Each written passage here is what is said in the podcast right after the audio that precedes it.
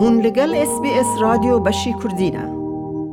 سدمک سرکه لپشتی ایریشا روسیا لسر اوکراین هولدان جیران و که او دخوازن اوکراین بند ده ناتو دا. و هوالبندی که لشکری یا روژاوا یا به سروکتیا دولت یکبوین امریکا. موسکو و یکی وک خطرک سور دبینه که ده همان دمه ده کیو دخوازه به اندام. لدوان روژن داوین ده دیار دبه که پشتی هر تشتی که کیو نخوازه به تولی ناتو ببه. ریخستنا پیمان اتلانتیکا باکر نورث اتلانتیک تریتی ارگانیزیشن یانجی ناتو ده سال 1949 ده پشتی شر جیهان یدیمین هات دمزراندن. به تایبتی جبو برسیفدان گفن یکتیا سوویت دانزده اندامن وی ین دامزرینر هنه بلژیکا، کانادا، دنمارک، فرانسه، ایسلند، ایتالیا، لوکسمبورگ، هولندا، نرویج، پرتغال، بریتانیا و دولت یکبوی ین امریکا. جوه دمیوه گلک نتوین دن تولیبون د ناوانده یونانستان، ترکیه، آلمانیا، سپانیا و ولاتین سوویتا بره که اندامتیا گیشتی نها گیشتی سی ولاتی. آرمانجا ناتو او کو آزادی و اولهی اندام خواه به ریا سیاسی و لشکری مسوگر بکه. ده خالا پینجان یا پیمان ده وحاته گوتن. ایریشا چکداری یا لدجی ولاتکی اندام ده وکه ایریشک لدجی همویان بیدیتن. پسپور ناتو دکتر لوکا تردیلی جه خوندگه ها آبوریا لندن دبیجه ده بنگه ها وانده ناتو لسر پاراستنا هف بشه. And these allowed member, European members at the time, Western European states at the time, to be assured of the American especially commitment to the defense of Europe. But it was really the Korean War in 1950 that triggered the establishment of NATO as an actual organization, as a permanent organization with a, a permanent allied, supreme allied command, an headquarters uh, in Brussels, and so on. It performed its function pretty well, I would say, in, during the Cold War.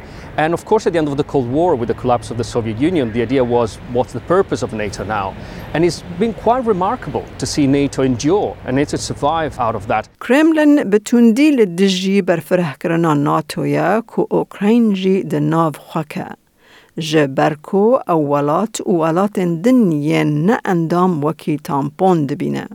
انالیست چرتم هاوس روسیا کیر جایلز دبیجه او مجار جبو مسکو مجارک دانستندن لسر نابه. Well, the reason why Russia doesn't want any of its neighbors to join NATO is very simple because if they do, it stops Russia doing to those neighbors exactly what it's doing to Ukraine now. NATO is a, a stabilizing influence because it makes sure that Russian aggression is contained. جبوكو ولاتك ببا انداما ناتو دوه ولاتكي اوروبي به پرنسیپن دموکراتیک بشوپینه و تفکاری لأولهیه هریما اوروپا اتلانتیک بکه. دورا او تولی پلانا چالاکیا اندامتی دبه کل سر حوجدارین هفدیتن پشگیریا گنجان پیدا دبه. ولاتکی نوج آلی اندام ناتو به یک دنگی وره پجراندن. بنگا و داوین اوکو اولات به رفرندوم یانجی به دنگدان پارلمنتوی پیشنومه یا اریکرنا خواه بپجینه. برز تردلی دبیجه به واجو دکاره یک دریج به. And it takes years, of course, for these reforms to take place, to things like the democratic control of armed forces, to ensure that the country has, can guarantee the rule of law, can guarantee certain democratic standards, or can also, more at the military level, could cooperate with, the, with NATO as a defense alliance. ده سال 2008 ده ناتو سوزدا که او ده اوکراین قبول بکه گاوا که او پیوان خو به جیه بینه. لخال سرکه یا پرسگره که ناکوکی نوه ین لدر ین نچار سرکرینه تا نها به ناو هفکار درفتا کفتی دمینه ستاتویا کو جوالات نه اندام ین وکی استرالیا رجی تیگوتن. بالیوز برای بریتانیا لی اوکراین رابرت برینکلی دبیجه ده برجواندی ناتو ده کو آلیکاری یا اوکراین بکه. They're receiving a lot of political and economic support as well as defensive military support. And that is because Ukraine is a democracy. It's a free sovereign country which has come under unprovoked, premeditated attack. And this attack on Ukraine is in effect an attack on all democracies. لی آلیکاریا ناتو جبو تشت کو یوکراین هری زیده دخوازه او کو هریمکه بفرین لسر اوکراین چه ببه. لی ناتو ده ترسه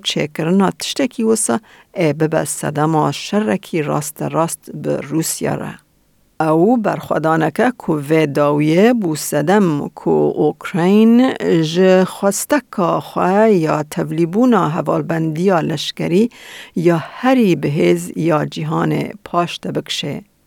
گرجستان و بازنیا هرسک جی به فرمی داخواز اندامتیه کرنه. جبر داگر کرنا روسیا لسر اوکراین، سوید، فنلند و سربیا جی دفکرن تولی حوال بندیه ببن که روسیا ناخوازه ویا که ببینه. دەتەوێت بابەتی دیکەی وەک ئەمە ببیستی؟ گۆڕایرە لەسەر ئەپ و پۆدکاست گوگل پۆدکاست سپۆتفاای یان لە هەر کوێیەک پۆدکاستەکانت بەدەستدەێنیت.